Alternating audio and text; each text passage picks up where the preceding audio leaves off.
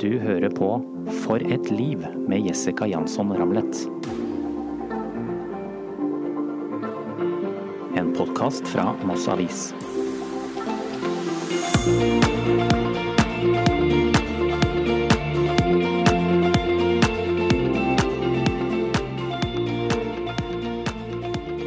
Dora Toralsdottir er standup-komiker, foredragsholder, EQ-terapeut, og hun er også programleder i Relasjonspodden, som med 19 000 unike lyttere hver uke er størst innenfor sin sjanger i Podkast-Norge. Denne våren har hun også reist rundt i hele Norge med sitt standup-show Overganger. Hva fikk du for respons i Moss, Dora? Fantastisk. Var det det? Moss-publikummet leverte på en onsdag midt i uka. Ja, er det Så kom det hele gjengen, fylte opp Parkteatret, og var helt nydelig publikum. Så det var eh, utelukkende en nydelig opplevelse. Du, nå ehm, er det jo mange med meg, tror jeg, som hører på nå, som eh, hører på Relasjonspodden eh, hver uke. Ja, ja. og da vet vi jo, og for de som ikke vet, så gir jo du og Kjersti Idem Mm. eh, Man kan vel si livsråd til Ja. folk hver uke. Ja, litt sånn innenfor relasjoner. Og da veldig mye sant. fokus på din relasjon til deg selv. For alt begynner jo med deg. ikke sant? Sånn at hvis du er raus og snill med deg selv, så er du også raus og snill med andre. Og den måten du snakker til deg selv på, er den måten du snakker andre på. Så jeg er så opptatt av at folk står opp for seg og sier ifra hvor sin grense går, og tar godt vare på seg selv, for da får de bedre liv. Men det, det, det er det som er så kult, så jeg tenker at jeg skal prøve å fiske ut noen sånne tips av deg, Dora, i det intervjuet her. Så må vi kanskje innom ditt liv også. Ja. For vi som har fulgt det litt, vet jo at det skjer jo litt av hvert. Ja, ja, ja. Det får man jo si. Som i alles liv, egentlig. Men det blir jo en sånn Ja. såpeopera på at hver uke så er det Og det er ikke det at det skjer nødvendigvis alltid så veldig mye, men det er jo noe som skjer. sånn som alle andre også. Og så er det jo Kjersti og jeg har jo snakka om at eh, vi trenger jo ikke å skrive noen dagbok, vi kan bare høre på de siste fem årene podkast for å vite hva som skjedde i vårt eget liv på den tida. så det er veldig fint, det. Hvis vi begynner med deg nå, hvordan, ja.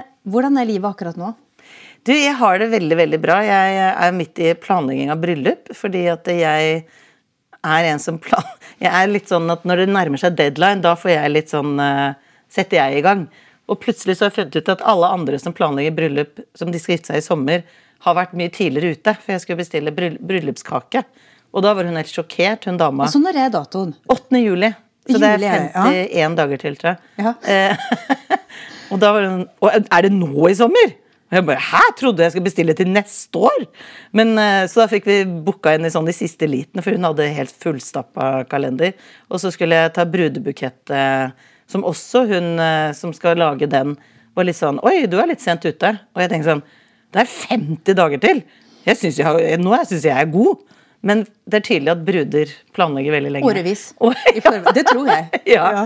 Og så, nei, så når du spør åssen jeg har det, så skal jeg da med mine nieser eh, eh, Og Jan Tore har jo fått et barn, det er barnebarn, som betyr at jeg er blitt stebestemor. Hun er to år, og hun skal også være med i morgen. Og da skal vi prøve bru brudepikekjoler. Eh, Som jeg gleder meg veldig til. Så jeg er veldig sånn fylt opp på at jeg skal gifte meg snart. Eh, så, så akkurat nå så kjenner jeg på en sånn begeistring, og det kiler i magen. og eh, Vi snakker litt om den bryllupsreisen, for vi måtte ordne flybilletter og litt sånne ting. Eh, så jeg, jeg har sånn kiling i magen på den sommeren som kommer nå. Eh, fordi jeg syns det er helt rått å gifte meg, og så ble jeg 50 år en måned senere og skal ha en stor bursdagsfest. Bryllupsfest og 50-årsdag. Så jeg syns denne sommeren her er helt Og så får vi en hytte som er ferdig. Midt oppi alt dette her. Det skjer litt. Ja, vi har bygd hytte, og den er ferdig samme uka som vi gifter oss. Da de sa at ja, den er ferdig sånn i begynnelsen av juli, kanskje mot slutten, sånn 6.-7. juli. Og vi bare ja, vi gifter oss 8., det blir gøy. Og dra på bryllupsreiser rett etterpå. så når du spør Ja. Nå høres det ut som jeg ikke er så veldig her og nå, men jeg er veldig i det gøye som skjer fremover.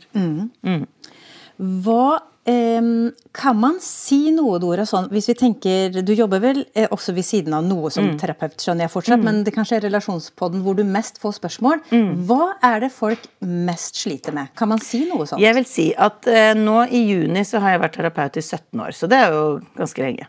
Og jeg vil si i løpet av de 17 årene så er hovedproblemet, hvis man tar bort sant, Folk kommer jo av ulike ting, men når man skreller det ned til hva det egentlig bunner ned i, så er det lav selvfølelse. Veldig mye konsekvenser av å ikke ha så høye tanker om seg selv, er at du går på tvers av deg selv, du finner deg i ting som ikke er Oi sann. Tjo hei! På På, kjøkkenet kjøkkenet. Og i stua sitter vi, og det er hyggelig da, at det skjer litt eh, Litt sånne hjemlige lyder. Ja. Men eh, jo, så eh, det som jeg tenker er at det er et veldig stort problem at så mange har så lave tanker om seg selv, for de finner seg i å være i dårlige forhold, eller i jobber de ikke trives i, eller ikke blir verdsatt i. Eh, de gjør ikke så mye bra for seg selv, for de driver egentlig og saboterer seg selv på mange måter, fordi de ikke syns de fortjener et bedre liv, eller bedre ja, relasjoner, eller det som er. Sånn at den grunnleggende følelsen på hva du tenker om deg selv, har så mye å si for hvordan livet ditt blir. Hvordan du snakker til deg selv, hvordan du møter deg selv, har enormt mye å si. Og det vil jeg si er et veldig stort egentlig samfunnsproblem. Fordi det er så mange som liksom blir deprimerte eller eh, har liv de ikke er fornøyde med. Fordi de er, det samsvarer med hva de syns de fortjener innerst inne. Og litt ubevisst så, så er de ikke så gode til å ta plass i eget liv og være snillere med seg selv. Og der ligger veldig mye av kjernen, tenker jeg. Både for de som sender inn spørsmål, men også de jeg har hatt i terapi. Og da vil jeg si at kvinner i hovedsak er de som søker hjelp lettere enn menn. Det er rett og slett har med skam å gjøre. Skamforskning viser at for menn så er den største skamtriggeren det som vekker skam først, eh, fortest, det er sårbarhet. Det å virke svak. Det er derfor det er så vanskelig å spørre om veien, f.eks. Som er ofte latterliggjort. Men det er bare et eksempel på Det å be om hjelp er for menn mye, mye større terskel enn kvinner. Eh, Så derfor kommer kvinner oftere i terapi, og spør også oftere om hjelp, f.eks. i relasjonspodden. Fordi herregud, jeg kan ikke få til alt, kanskje noen andre kan hjelpe meg. Det er det kvinner tenker. Hos menn så er det sånn nå tenker folk at jeg ikke klarer å fikse livet mitt. Jeg er dårlig som mann. Jeg leverer ikke. Jeg må liksom klare alt på egen hånd. Det er så innprenta i så mange menn. Så, så, mange, så det jeg vil si, da, det er at disse kvinnene som jeg da møter, så blir jeg så lei meg når jeg hører om alle de flotte kvinnene som innerst inne ikke har noen høye tanker om seg selv, som mener at de må være perfekte, eh, se annerledes ut, være annerledes, burde vært sånn eller burde vært sånn, for å være bedre.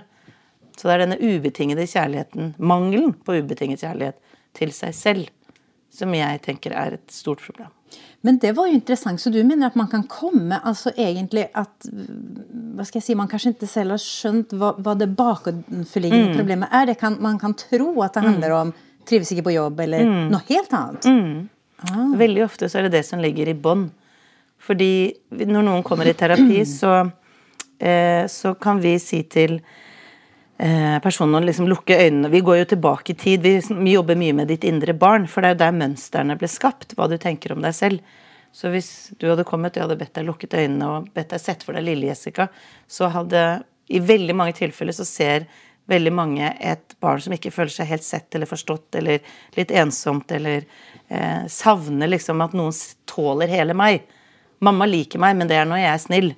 Men ikke hele meg, den jeg egentlig er, f.eks. Og, og sånn at selv, Samme hva du sliter med i, i livet ditt, så handler det om å få en god kontakt med deg selv. Og da er dette med å jobbe med ditt indre barn en veldig sånn smart måte å gjøre det på. For det er så effektivt. Eh, kontra det å liksom skulle eh, jobbe med noe som er litt vanskelig å ta tak i. Altså fysisk liksom helt skjønne. Men når du ser deg selv som barn, hvis du skjønner at å ja, men, men hun blir jo ikke sett, ja, men da kan jeg se henne. Da kan jeg være raus. Da kan jeg være den som bygger henne opp. Så får du et håp om at dette her lar seg løse. Jeg kan få et bedre forhold til meg selv ved å like den jeg var som barn. Og dermed liker jeg den som er voksen også, for jeg er jo egentlig det barnet. Hvis du skjønner. Det er litt komplekst, dette her, men ja. Ja, altså, det er jo det, men jeg, jeg forstår jo tanken, og så lurer jeg på Går det å løse, da? Ja, det er det beste å høre. Ja. Ja, og jeg fortell tror nok litt at, ja, og jeg tror nok at eh, Vi har jo en skole hvor vi utdanner terapeut, EQ-terapeuter. Og de tre årene de går på den skolen, handler jo veldig mye om at de jobber med seg selv. For jeg kan ikke hjelpe noen lenger enn dit jeg er kommet selv. Så hvis jeg skal lære noen å bli mer glad i seg selv, og snakke til seg selv med respekt, og respektere sine grenser og si ifra om sine behov, f.eks., så trenger jo jeg å kunne det for å lære deg det. Jeg trenger å litt, litt sånn som hvis jeg skal lære deg La oss si at vi hadde hatt en PC her. Jeg kunne ikke ha lært deg noe mer om programmene på en PC enn det jeg kan. Jeg kunne ikke liksom ha ut, kunne ha lært deg om Excel-ark hvis jeg ikke kan noen ting. Og det samme er i terapisammenheng. at terap du kan ikke komme lenger enn dit terapeuten har kommet. på mange måter. Den personen viser jo vei. Du trenger å eie det, kunne det, eh, besitte den kunnskapen selv. Så derfor blir det at du trenger å jobbe med deg selv. Og jeg, i og med at jeg har vært terapeut så lenge, så har jeg trengt å gjøre det jeg ber andre om å gjøre. Jeg trenger å vite hvordan den prosessen er. Jeg trenger å kunne dette her til Ikke bare som en teori. Og derfor har jeg trengt å være en som gikk fra å være veldig flink pike, oppdratt til at jeg får mer kjærlighet når jeg er snill og grei og lett å ha med å gjøre. Jeg hadde jo en følelse av at hvis jeg ble sint og vanskelig, så var jeg mindre verdt å elske. Og derfor syns jeg den siden var veldig vanskelig å vise. For jeg tenkte nå blir jeg automatisk avvist. Ikke fordi at mine foreldre var helt håpløse, men de var jo barn av sin tid, og da var jo denne autoritære oppdragelsen mest rådende. Og det har jo vært den aller, aller vanligste eh, eh, måten å oppdra barn på. Har jo vært denne eh, betingede kjærligheten. Når du oppfører deg sånn som jeg vil, så får du kjærlighet. Når du gjør noe jeg ikke liker, så avviser jeg deg. Det er sånn de fleste er blitt oppdratt. Og jeg også. Så det jeg opplevde, var at da jeg som voksen da ble sint, så jeg, hadde jeg så vanskelig med å uttrykke de følelsene som ikke ble tålt da jeg var barn. Så jeg har selv måttet jobbe med å være den jeg er, være autentisk. Ikke bare en utgave av meg selv, men hele meg. Og like hele meg også når jeg er sur, også når jeg er forbanna. Og tenker at ja, men dette her, sånn føler jeg det, og det gjør meg ikke meg noe mindre verdt. Det er en følelse jeg har, og den tar jeg på alvor, og så er jeg ærlig om den. Og da blir jeg mer hel. Og den prosessen har jeg trengt å gå gjennom selv, og tatt lang tid. Og jeg var i et forhold som jeg i ettertid Jeg vet det høres rart ut at jeg var glad for at, det, at jeg var i et litt sånn håpløst forhold i ti år. Eh, men jeg lærte jo så mye å stå opp for meg selv i den perioden. For jeg ble sammen med en person som ikke tok noen hint. Jeg var jo kjempegod på å hinte. Jeg bare tenkte at hvis jeg vasker opp og bråker litt, Ja. så skjønner han at det er hans tur neste Og det der tror jeg mange kjenner seg Ja. igjen i. Så jeg hadde sånn subtile ja, Ja. ja. Og litt sånn nei, nei, men det går bra. Litt sånn, litt sånn passiv-aggressiv. Så tenker man at de skal skjønne Ja. at jeg mener jo ikke det. Ja, ja, den Og jeg tror, sånn som så mange andre kvinner, og til dels også menn, at jeg hadde en veldig tro på andre folks evner til tankelese. At uh, han burde jo forstå og skjønne, uten at jeg sier noe. Burde bare, Og så viste det at han var jo helt elendig på det. Så jeg trengte å begynne å uttrykke hva jeg følte etter hvert. Og det er jo en, det er en hard skole, men samtidig så hadde det ikke vært det foruten, fordi det gjorde at jeg lærte å stå opp for meg som så gagner meg i alle mulige sammenhenger. Som foreldre, som arbeidstaker, som podkaster. Altså uansett, når ting ikke går helt veien, Mm. i stedet for å svelge kameler, så sier jeg nei, men det syns jeg ikke er ålreit. Eller det, jeg vil gjerne gjøre det på denne måten isteden. Og så blir jeg mer ekte. Mer genuin. Det er ikke noe spill. Hvis det er noe, så sier jeg fra. Og hvis ikke, så trenger jeg ikke å si ifra, for det er jo ikke noe som plager meg. Men før så var det masse som plaga meg, så sa jeg ingenting. Og så ble mer og mer sånn eh, kroppsspråket oste jo av at dette ikke var greit. Men nei da, det går fint, det. Og derfor tenker jeg at det- det er veldig mye deiligere å være i verden hvor det ikke er det spillet. Hvor det er bare ekte. Men når du snakker nå, så tenker jeg Tror du, eller kanskje til og med vet, at mange har det sånn som du beskriver at du hadde det før, da? Mm.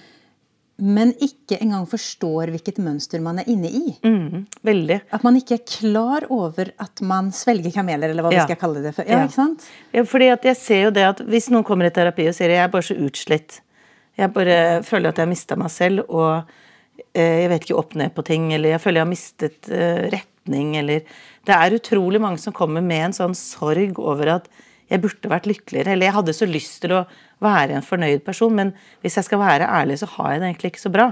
Eller jeg blir så ofte usikker på meg selv, eller jeg ser på sosiale medier, og alle andre har så vellykka liv. Med en gang denne sorgen kommer inn, så opplever jeg veldig ofte, stort sett egentlig, at den sorgen handler om at du har mista litt kontakt med deg selv og din ærlighet. Du har spilt et spill, du har spilt et skuespill i så mange år. Og jeg sier dette her med så stor sikkerhet fordi jeg har gjort det selv. Jeg vet jo Jeg var jo gladora. jeg var jo alltid blid. Jeg sa jo aldri fra om noen ting. Så jeg ble jo oppfatta som hun utrolig blide, også når jeg var i dårlig humør. Fordi jeg var verdensmester på å late som. Og du ble, altså jeg ble så sliten av det. Ja, ikke sant? Og litt sånn litt lei av meg selv, egentlig. Og litt sånn Ja, men fader heller, dette her og dette her syns jeg ikke er ålreit. Eller denne måten å bli, bli behandla på eller snakka til Jeg gjør jo alt riktig og allikevel så ja, ja. Når kommer den premien? Etter å ha fulgt boka.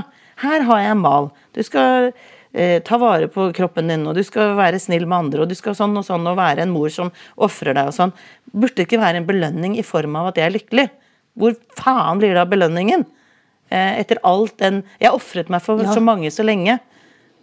Og det er da eh, det vi snakka om i starten her, med denne selvfølelsen av at jeg liker den jeg er, jeg syns jeg er verdifull, og jeg, jeg har ikke tatt hele, hele henne i bruk, eller hele han i bruk. Jeg har ikke vist alle Hvis du tenker at du er, Dette er litt klisjé, altså, hvis du tenker at du er en regnbue, da, så har du bare vist to farger. Hvor blir det av resten av deg? At eh, det er veldig Det føles, syns jeg, i hvert fall nå som jeg har jobba så mye med dette, en utrolig befrielse at uh, ingen kan gjøre noe mot meg uten at de vet hva det gjør med meg. At jeg sier ifra. At det er Det høres ut som jeg trenger å stå for meg selv i ett kjør, det er jo ikke det. Men det gir en veldig sånn Jeg styrer hvordan jeg har det, fordi at jeg finner meg ikke i noe dritt. Og det føler jeg også er en aldringsgreie. At jo eldre du blir, jo mindre sånn Shit, finn, du finner deg ikke i så mye drit, liksom. Du blir litt mer sånn Vet du hva, det gidder jeg ikke å holde på lenger. Ja, for det er jo interessant, for jeg mener at dere har sagt i relasjonspodden at det er noe med Er det ikke sånn alder 39 eller og et halvt, eller hva var det dere sa? Jeg vil si at den, de fleste som kommer i terapi, er 39 og et halvt år. Hva skjer da, tenker du? Er, er, er det det man kaller 40-årskrisen, Ja, liksom med gammelt ja. ord? Ja. Og det jeg tenker er at uh, du har oppveksten din, og så har du 20-årene hvor jeg tenker at veldig mange har litt fri fra de mønstrene som ble skapt. Du er litt sånn Du, du er litt eh, Det er gjerne før du får barn, og du har ikke så mye ansvar på et vis. Og veldig mange opplever i hvert fall 20-årene som egentlig er ganske gode. Veldig mange. Så er det det som skjer veldig ofte når folk får barn, er at de får sin egen barndom som en sånn boomerang. Fordi at når du har da, la oss si en toåring, og den, det barnet er litt det som vi kaller trassig, men nå heter det selvstendighetsalder. Hvis vi skal bruke de riktige termene her. Eh, og er i opposisjon, da. Så er det veldig mange som får litt sånn flashback, eller hvordan var det da jeg sa nei? Hvordan ble mitt sinne tålt? Ble tårene mine akseptert, eller ble jeg sendt på rommet? Hvordan, ikke sant, at Du får egentlig litt sånn din egen barndom, sånne flashbacks. Og litt sånn innsyn i hvordan dine foreldre kanskje var mot deg. Og hvis du har en femåring som gråter og føler seg ikke forstått, så kan du plutselig ha sånn Sånn hadde jeg det også. Nå gjentar jeg det samme. Det er veldig mange som har enormt mye aha-opplevelser når de blir foreldre, på sin egen barndom. Og hva det har gjort med dem. Utrolig mange som har veldig interessante refleksjoner etter hvert som de foreldre barn på Jeg ser jo at der sviktet kanskje foreldrene mine litt, men der gjorde de en kjempejobb. og det sant, du, får, du får det i perspektiv, da. Det er derfor jeg mener at 20-årene har vi litt fri fra det. For vi får det ikke i fleisen. Og veldig ofte når de da er Jeg skal ikke si at alle er 39,5, men veldig ofte sånn mellom 35 og 45, da. Så, så er det akkurat som det er litt sånn oppgjørets time på at vil jeg fortsette i dette sporet jeg er i nå, eller eh, føler jeg meg veldig tom? Er det litt sånn at jeg har valgt denne mannen som jeg egentlig kanskje er litt usikker på. Jeg er i denne jobben. Tok jeg den fordi jeg ville, eller fordi det var riktig? Eller fordi noen foreldrene mine liksom dytta meg på, eller lever jeg det livet jeg egentlig vil? Er dette det jeg vil? Hva vil jeg egentlig? Utrolig mange, mye rådvillhet. Og en sånn følelse av hvor ble det av livet mitt som jeg så for meg skulle bli noe annet enn det som er. Og det opplevde Jeg gikk jo fra han jeg var sammen med da jeg var 39. Utrolig nok. Eh, den 13. januar, som var den andre torsdagen i januar, som ifølge en amerikansk undersøkelse er den vanligste dagen med samlivsbrudd. Så jeg har jo fulgt alle malene som går an. Men jeg må jo bare si at det er veldig komisk når man begynner kanskje selv med noe sånt, så tenker man det er bare meg. Og her sitter jeg og grubler. Og så Ja. forteller du nei, vi Ja. er ganske like alle sammen. Ja. Egentlig. Veldig Ja. mange. Sånn at jeg har jo selv vært i en sånn Hva vil jeg med livet, egentlig? Eh, og da jobba jeg jo liksom med relasjoner og, og hadde e-kunstinstitutt. Og kunne teorien veldig godt. Og så trengte jeg å bruke lang tid og endre mine egne mønstre også. For det tar lang tid. Eh, så det er ikke noe quick fix, dette her. Og jeg tror det er derfor vi har holdt på med dette her i fem år og noen måneder. Og egentlig sagt mye av det samme. Fordi at dette her lar seg ikke liksom Du tar ikke én uke Selvutvikling er ikke noe som foregår i løpet av en uke.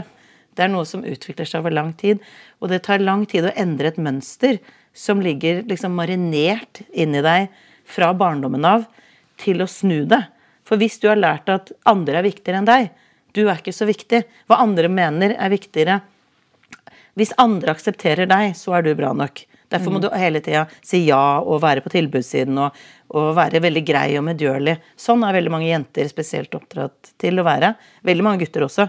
Men generelt så har gutter fått lov til å vise mer sinne, f.eks. Det har vært mer akseptert at gutter er tydeligere. Når jenter er tydeligere, så det er tenkt det at vi har et uttrykk som er å være en bitch. Det er jo en dame som egentlig sier ifra, men da er hun vanskelig. Mens menn, hvis de sier ifra, ja, da har de sikkert en god grunn. At vi har jo et samfunn som gjør en veldig forskjell på gutter og jenter fra veldig tidlig av i forhold til følelser, hva som er akseptert og ikke. Men på den annen side så har jenter mer lov til å vise tårer. Mens sorg hos eh, menn er ofte ikke så tillatt. Og som fører til at når de da blir 40 år og skiller seg eller mister jobben, eller noe, så har de ikke tilgang til sorg. Og det er veldig mange, da. Og da er det utrolig mange som tyr til sånne ulike måter å døyve vonde følelser på, som alkohol eller begynne å trene helt sånn fanatisk. Og mange andre måter. Å jobbe altfor mye. Liksom løpe fra seg selv.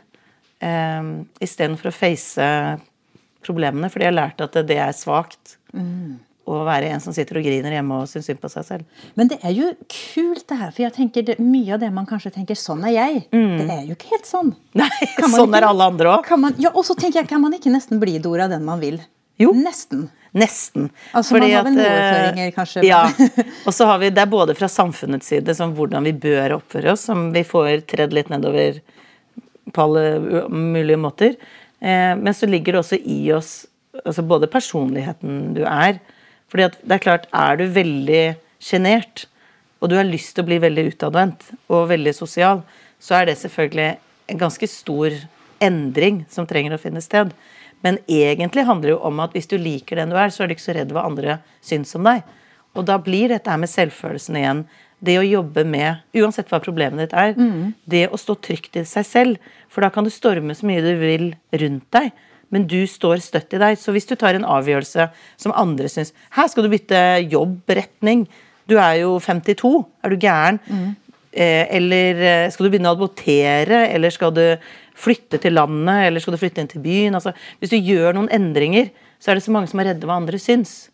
Men hvis du er trygg på deg selv, så gjør du det som er riktig for deg, og så lever du ditt liv. Og det er da belønningen kommer i form av glede. Fordi det er å høre på deg selv. Det er å leve det livet du er ment til å leve.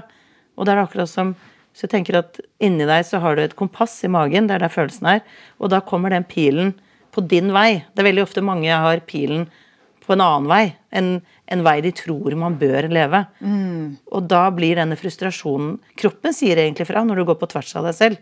Når du driver med ting du egentlig ikke vil. Når du holder på med noe som ikke er riktig for deg, så sier kroppen ifra på to måter. Det ene er at du mister energien, det andre er at du mister gleden. Så kroppen sier ifra. Men det er de færreste av oss er oppdratt til å lære å høre på følelsene våre og ta de på alvor. Og så dundrer vi på, og så smeller det veldig ofte. Og det samme gjelder de menneskene du omgås. Veldig mange av oss blir slitne av å være sammen med de menneskene som tapper oss. Og det er de menneskene som kanskje ikke det er meningen at du skal være så mye sammen med, fordi at eh, de er på et annet sted i livet.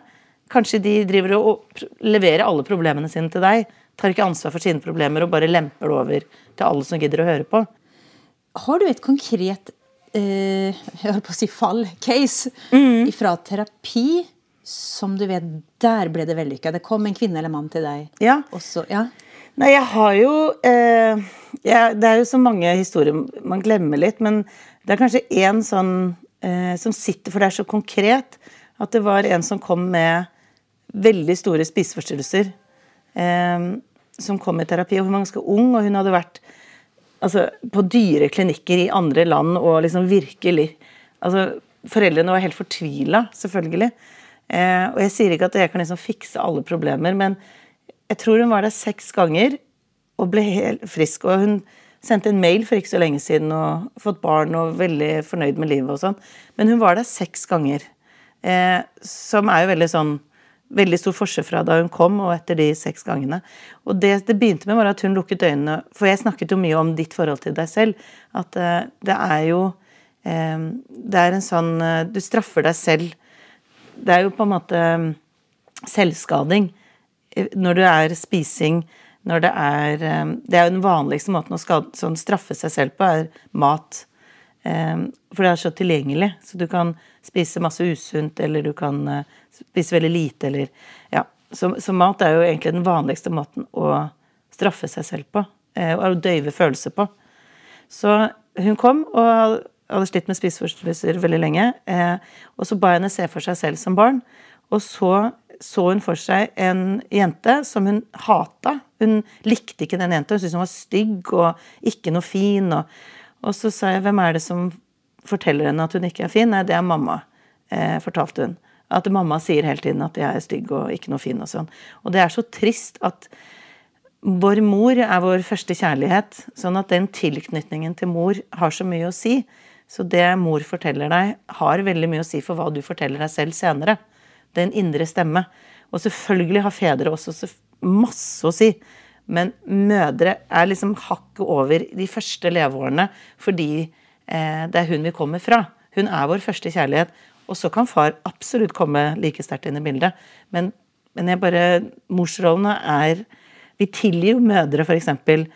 Det skal mye mer til for at en eh, vi kritiser, altså Hvis en far stiller opp til en viss grad, så syns vi det er en veldig bra pappa. Hvis en mor svikter på noen få ting, så er hun en dårlig mor. Vi er veldig kritiske på mødre, egentlig. Men i hvert fall så var det da en mor som hadde sagt veldig mye stygt til barnet sitt. Og hun trodde på dette her, at eh, den jenta var helt håpløs, udugelig, hadde ingen verdi. Og så eh, gikk hun ikke inn og så for seg selv at hun klemte eller snakka med denne jenta i det hele tatt. Hun bare syntes hun var helt forferdelig. Og så spurte jeg henne men gjør den jenta så godt hun kan. Og så var hun litt sånn ja, jo, til en viss grad. Jeg ser jo det. At hun gjør sitt beste, liksom. Og så neste gang vi hadde terapi, så, så så hun litt mer at det er jo en jente som ikke kan noe for Altså, hun er den hun er. Men hun likte henne fremdeles ikke. Og for hver gang, og det var jo bare seks ganger, så gikk hun fra å synes den jenta var helt forferdelig, til å elske det. Og det høres ut som det er nesten sånn too good to be true, eller litt sånn quick fix, men jeg har opplevd dette mange ganger, at kjærligheten til deg selv øker etter hvert som du forstår at det er et barn som så var desperat etter å få kjærlighet, var villig til å gjøre hva som helst. Hva skal jeg gjøre? Hvordan skal jeg være for å få kjærlighet fra mamma? og så får du ikke den kjærligheten, og så går du og straffer deg selv hele livet. Mange gjør det. Mens i dette tilfellet så var det da en som så seg selv i den sjette terapien og virkelig ga den lille jenta den kjærligheten hun trengte, og sa 'jeg er her for deg'. Og så sa jeg men det er den måten du nå snakker til ditt indre barn, som du også trenger å gjøre overfor deg selv i alle mulige sammenhenger. Å være den snille, rause, gode mammaen som du ikke hadde, trenger du å være med deg selv. Og da gjorde hun dette her helt sånn eh, På engelsk er det sånn You do it religiously. Altså, så, du går så helhjerta inn i det. Eh, med å snakke deg selv opp, møte deg selv med respekt, ta følelsene dine på alvor. Eh, så det var noe som var veldig sånn påfallende, for hun kom seks ganger på ca. seks uker. Mm. Eh, og det bare snudde alt. Så, og det er sånne ting Når du er med på sånne opplevelser, Eh, vi har jobbet med et wayback før. Tidligere fanger har sittet med folk som har hatt helt sånn jævlig oppvekst. Og derfor tatt masse jævlige valg. Fordi den måten du, du, Har du jobba med det? Ja, vi jobbet med ja. tidligere fanger en periode. Eh, og de, de, som har levd de mest destruktive livene, har jo også hatt de mest destruktive oppvekstene. fordi at den måten du blir møtt på av dine foreldre, er jo den måten du lærer å møte deg selv på. Så hvis du har hatt en oppvekst hvor de, du har følt at de er likegyldige til meg, de har ikke noe lyst til å ha meg her. Du, du hører kanskje jeg, du er uønsket, du er i veien, du er ikke bra nok. Jeg skulle ønske du ikke var født. Det er utrolig mange som har mye verre barndommer enn vi liker å tenke på. Eh, og så vokser de opp med denne følelsen av å ha null verdi, og alle dine valg er alltid i samsvar med hva du tenker om deg selv. Sånn at hvis du har lært at du har veldig liten verdi, så vil du ta til takke med kjærester eller eh, et liv som er veldig dårlig, rett og slett, som er å være i rennestein. Ta mye dop, være slem mot deg selv. da. Gjøre ting som ikke er bra for deg, på alle måter. Fordi du fortjener ikke noe bedre. Det er jo det du har lært. Og det da å ha folk i terapi og lære, som lærer Altså kjærligheten til, til deg selv er medisinen her. Og det tenker jeg egentlig uansett hva du sliter med. Å ha mer kjærlighet og respekt for deg selv, så løses utrolig mye opp. Fordi det er der problemet ligger, er at du finner deg i eller utsetter deg selv for ting som ikke er bra, fordi du skal straffe deg selv. Og så snus det når du liker den du er bedre. Å være mye snillere med seg selv. Altså kjærlighet og vennlighet og snillhet er veldig mye av nøkkelordene for å få et godt liv, rett og slett. da. Men hvordan, eh, Jeg ble så nysgjerrig med de fangene. Kan du dele noe der? Var, var det liksom eh, en Nei, det var jo da historier om oppvekst hvor de bare følte at de hadde null verdi. Og så har de da tatt masse destruktive valg. Og så er det det å gi de de redskapene når livet bytter imot, når de går inn i de gamle mønstrene på å komme Og det var flere av de som kom seg opp. Men så var det noen som sa bare 'dette her er for mye', og det er At de saboterte seg selv på et vis. da, At de kom ikke når de skulle. og eh, og det var en historie som ble fortalt eh, da vi møtte de, som, eh, som, gjorde veldig inntrykk på meg. Og det var at det var en som satt i fengsel i mange år. Eh, som var, De hadde faktisk en slags revygruppe da, innad i fengselet. Som de liksom lagde noe greier for de andre fangene. Og han var visst ganske flink skuespiller. Og så kom han ut av fengselet. Hadde vært i fengsel i 15 år. altså Det var veldig lang eh, straff. Og hadde ja, gjort mye kjipe ting. Eh, og så og da kom han ut av fengselet og var ikke noen narkoman. Han hadde vært det tidligere, avhengig av dop. Og så kom han ut, og så var det en av de som hadde jobbet i fengselet, som sa du er nødt til å prøvespille for Per Gynt. De skulle ha en forestilling, eh, sommerforestilling, Per Gynt. Det var audition, og der kan jo alle komme, ikke sant. Og så kom han på audition og fikk hovedrollen i Per Gynt, en storsatsing. Eh, og så ble jo han selvfølgelig glad, og alle var så imponert. Og det som er det triste i denne historien, var at han dro på plata samme dag som han fikk vite dette her. Kjøpte dop og tok en overdose og døde. Samme dag han fikk vite han fikk den rollen. Og det er et eller annet med å også forstå at uh, det kan ikke gå for fort heller. Fordi at uh, det tar jo tid å ta inn over deg at jeg fortjener å stå på en scene og skinne. Eller jeg, jeg klarer dette her. Det å ha tillit til seg selv, det er ikke noe som skjer over natta. Dette her er en lang prosess.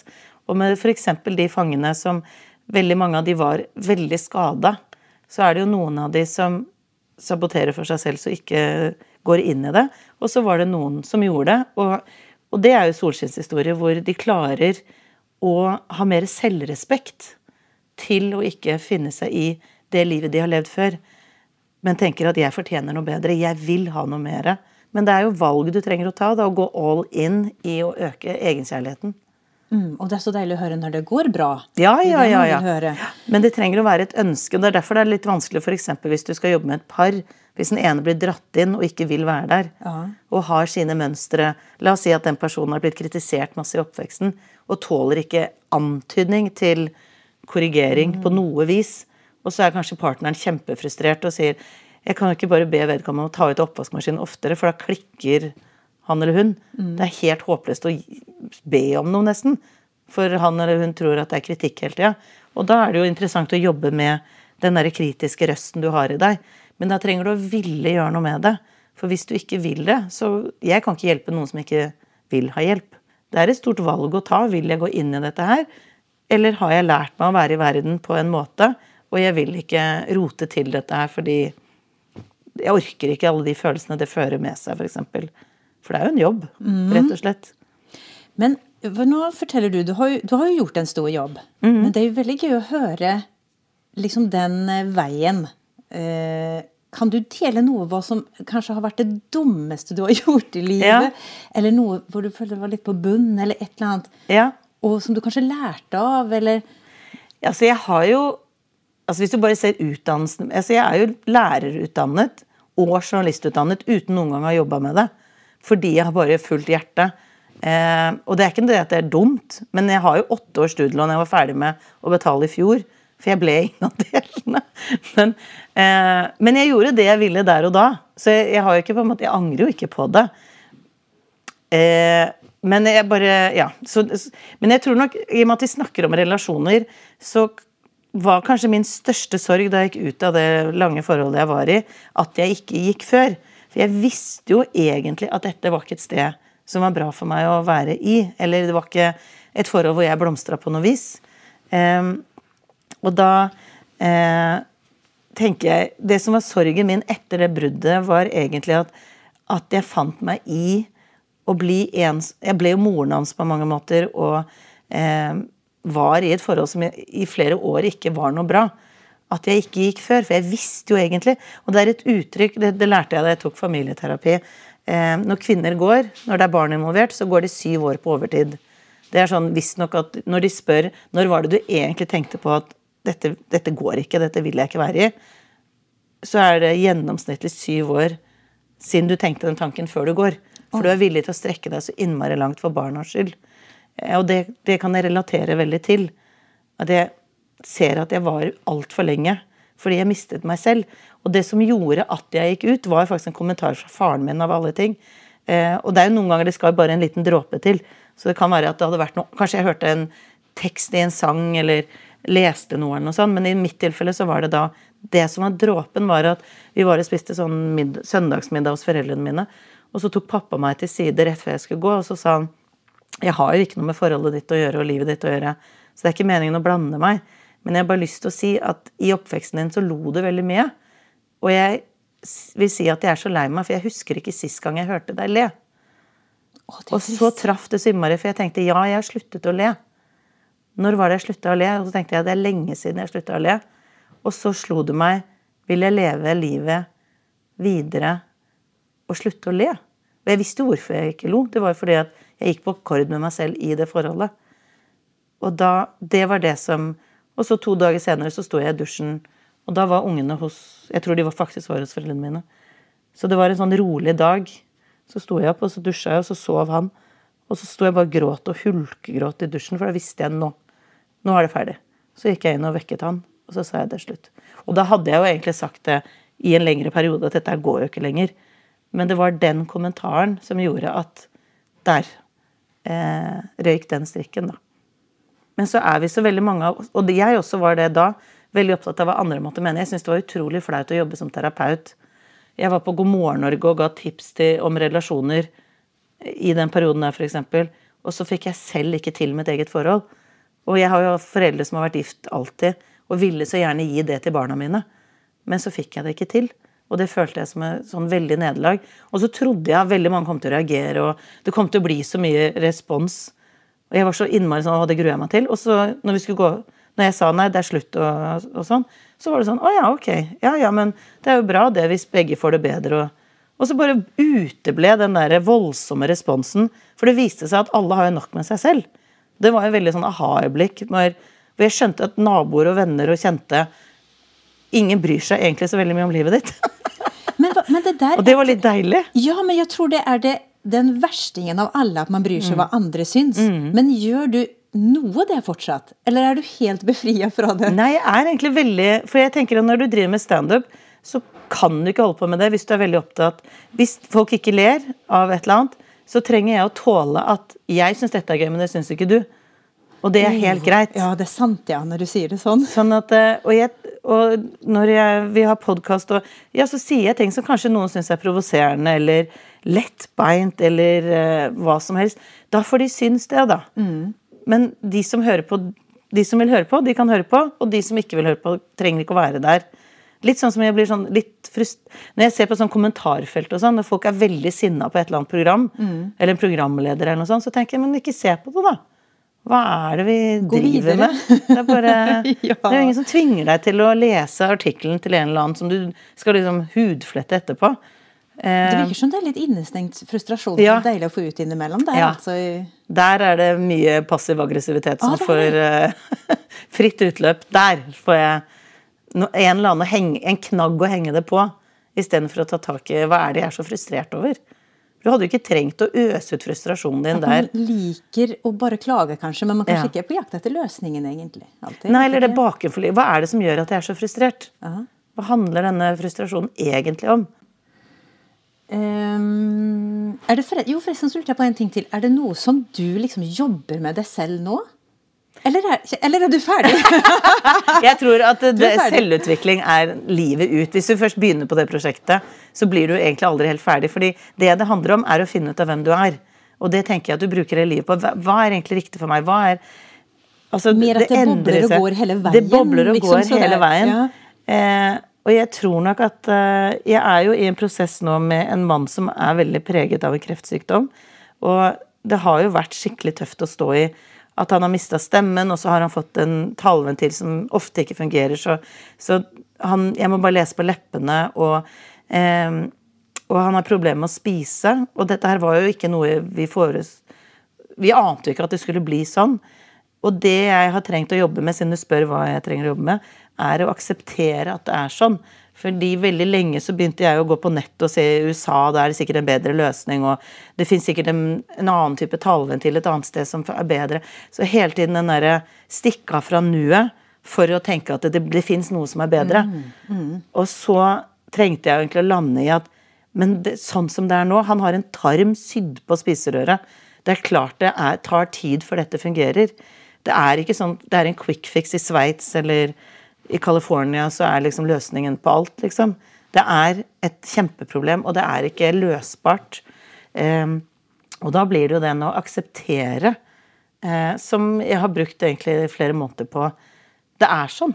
Det er mannen i mitt liv, det er han jeg elsker, men han har hele livet sitt fullstendig smadra fordi han kan ikke jobbe lenger, han har lite energi, det er mange som ikke forstår hva han sier.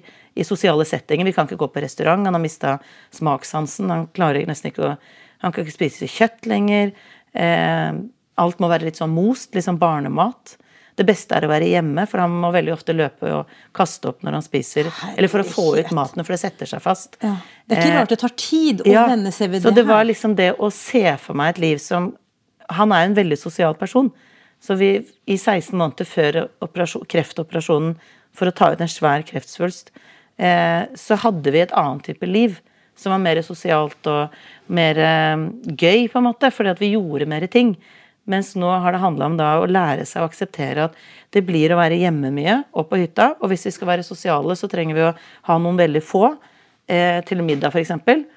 Men vi kan ikke dra på fest. Eller han, han har vært på to fester, og da ble han bare stille i et hjørne. For ingen hører hva han sier. Ja, ikke sant? Lyden fra Ingen hører hva han sier med en gang det er mange mennesker der. Mm. Så da har jeg dratt alene på 50-årsdager, f.eks. Som har jo vært en sorg fordi Og det er ikke det at vi er på fester hele tida, men det er bare settinger. Restaurant, ikke sant? god vin og Mm. god mat. Sånne ting. Alt det blir forandra. Alt det blir forandra. ikke, Det smaker bare gift når han drikker vin, f.eks. Han jobber med øl og vin, så det er jo en sorg for han også. Eh, og så er det jo det å bli behandla annerledes også, som er jo veldig tøft. Folk blir jo veldig stressa, ikke sant. Vi er bare mennesker, og noen begynner med tegnspråk omtrent. Noen begynner å rope for de tror han hører dårlig. Oi, Eh, det er jo noen er jo som litt- Pappa, uten at han tenker sånn, begynner å nesten hviske selv. Ja, men det er jo fort gjort. Og det er fort gjort, bare Ja. for vi speiler hverandre. ikke ja, sant? man gjør det.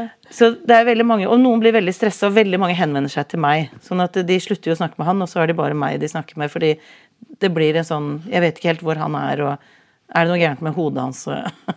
Så det er mye Ja. Så det har vært en veldig sånn lang prosess, men jeg har fått veldig sånn trening i å akseptere at men sånn er det nå. Dette er sånn det er akkurat nå. Det blir bedre på sikt. Det blir bedre, det vet vi. Energien hans kommer Utrolig nok så gjør jo nesten alt det, vel. Alt blir bedre som regel, men Ja. det tar det mye lengre tid enn vi trodde. Eller jeg trodde. Han er mer realist enn meg. Jeg har jo vært sånn Men du, se her, da. Her er det et sykehus i Pennsylvania som er kjempebra på sånn derre score på laryngotomi, som er jo da å ta ut stru- strupehode og stemmebånd. Og så har han vært sånn Men jenta mi, vi er her. Hadde de visst om Hadde dette vært en mirakelkur, så hadde kirurger i Norge som har jobba med dette 30 år, visst om det. Og vi har spurt dem, og de har sagt at eh, this is as good as it gets. Eh, så når du spør hva jeg jobber med, så er det å akseptere. Aksept, sånn er det. Og det er den sorgen som er. Men eh, så lenge vi snakker mye om det, de fortvilelsene og sorgene og fortvil, ja, alle de følelsene som kommer, det gjør jo at jeg kan sitte og snakke vanlig til deg nå. Hvis jeg ikke hadde snakket masse om dette her, ofte med mine nærmeste, og Jan Tore ikke minst, så hadde det vært mye vanskeligere å snakke om. Mens det- vi er jo i dette her hele tiden. Og det er jo med på å hjelpe meg å akseptere det, er å snakke om sorgen over at livet ikke ble sånn som vi hadde tenkt. Han kan aldri svømme igjen. Nå skal vi selge den båten som er rett utafor her. Fordi Oi, det er så ja. stor sorg å dra på båttur, og så kan han Han kan jo ikke gå i land, nesten. fordi at hvis han kommer i vann, så kommer det vann inn i det hullet han Han puster gjennom et hull i halsen. Ikke sant? Så, Så hvis han havner i vannet, så drukner han med en gang. Da kommer jo vannet rett inn. Herlighet, det er sånn at man aldri Så har er jo han født og oppvokst i Tønsberg og veldig glad i båtliv. Ja. Og det, så nå bygger vi hytte på fjellet. ikke sant? Vi skulle på bryllupsreise på en sånn cruisebåt. Ikke sånn svær cruise, men liten, veldig fancy greie. Og fryktelig god mat og veldig mye bading på nei. Det var liksom åtte øyer vi skulle stoppe på i løpet av Ja. sånne greske øyer. Og Så ha sånn bar ute i vannet og ja, Veldig kul greie. Så kansellerte vi det, og så skal vi til Firenze, som er litt med innlandet.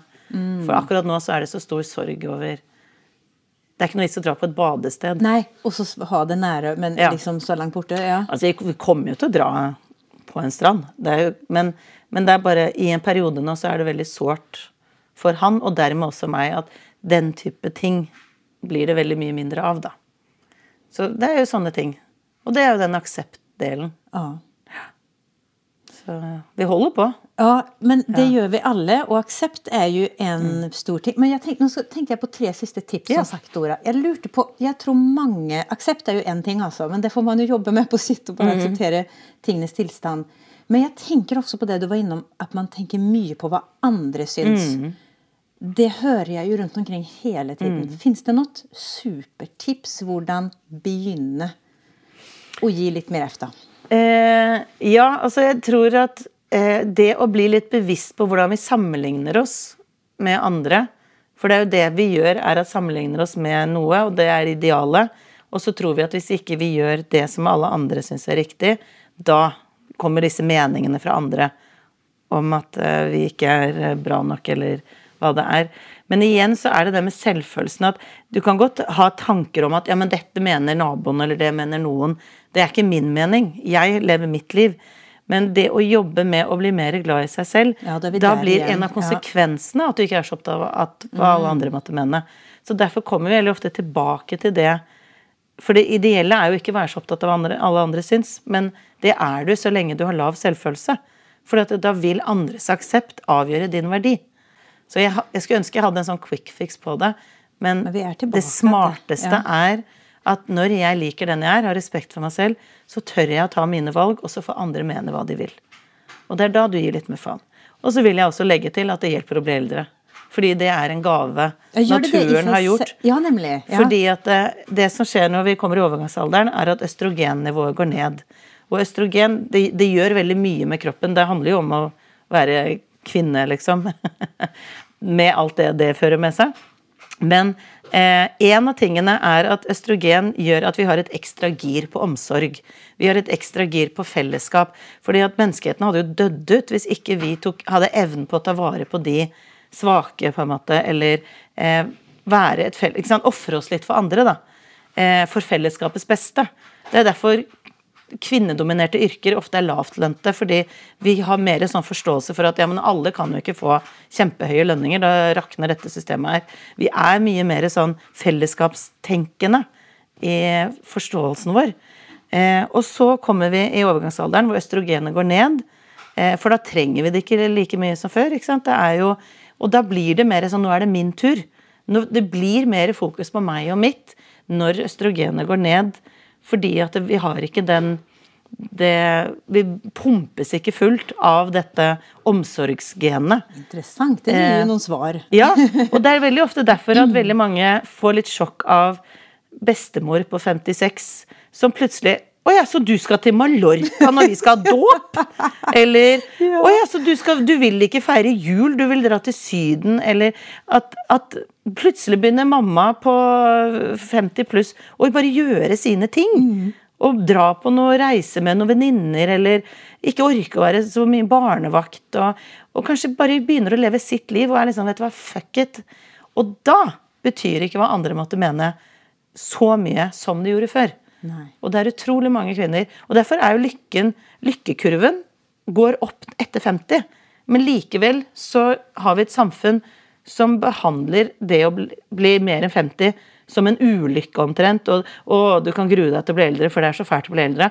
Og så følelsesmessig så har vi det bedre enn noen gang etter 50. Så det er egentlig helt absurd. Akkurat som vi ikke har fått med oss hvor fornøyde 50-åringer er. 50 pluss.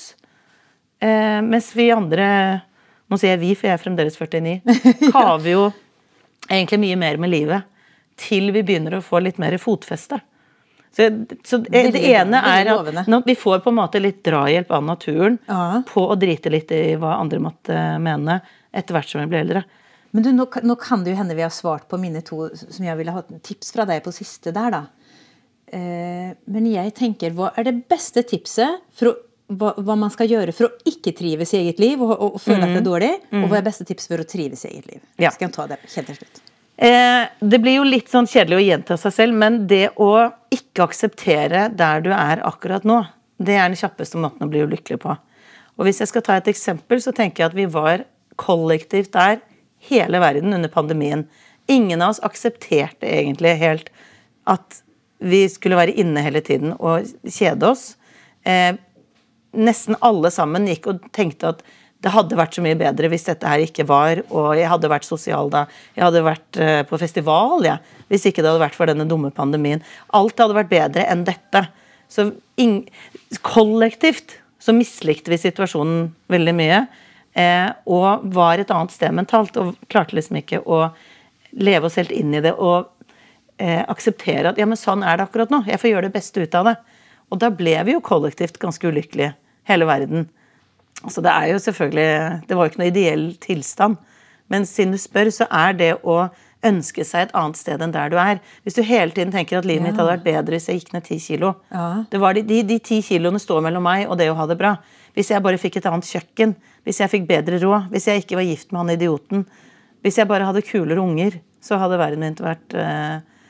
Det er oppskriften på å være ulykkelig, er å hele tiden ønske deg et annet sted enn der du er. Men det er jo litt den der aksepten, og jeg har jo trent meg veldig mye på det fordi jeg skulle ønske at jeg var i et forhold med en som hadde det bra. Men han har vært dritsyk, og jeg har jo visst at da dette skal følge oss i lang, lang tid. Eh, og resten av livet kommer det til å være begrensninger. Eh, så da blir det jo dette her med å akseptere, som jeg nå er litt sånn hakk i plata på. Men jeg tror også det å bli bevisst hvordan du snakker til deg selv, eh, har veldig mye å si. At får du til den vennligheten Det å se seg Du kan bare gjøre en liten øvelse om morgenen. At når du, For det er jo de fleste foran speilet. Å se seg selv i øynene og si noe positivt. Istedenfor 'herregud, så gammel du ser ut', og 'å, herregud, se på de rynkene', og 'se på det', og har man en jobb det er dårlig. Men det å se sjelen Fordi det handler om et sjelsmøte. Og jeg vet at det høres litt sånn rart ut, men det er å connecte med deg selv i større grad. Og begynne å være snillere med deg selv.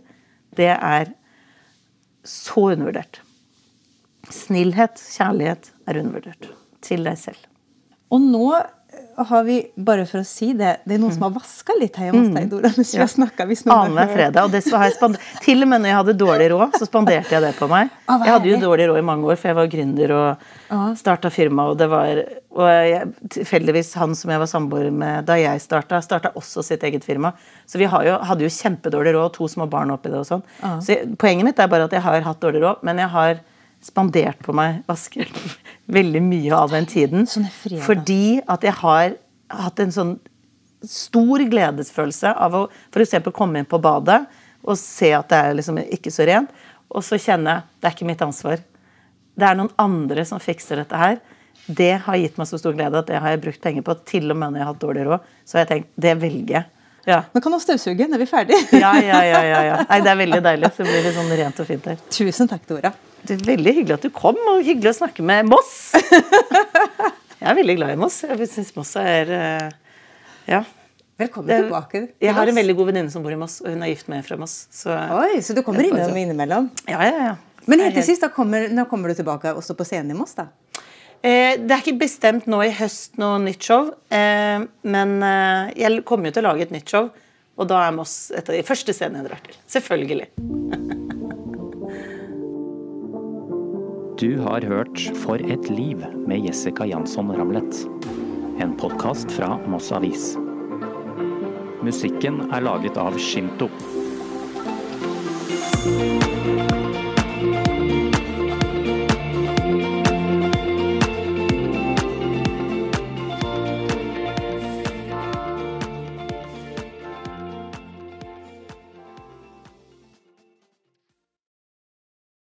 Har du et enkeltpersonforetak eller en liten bedrift? Da er du sikkert lei av å høre meg snakke om hvor enkelt det er med kvitteringer og bilag i fiken, så vi eh, gir oss her, vi.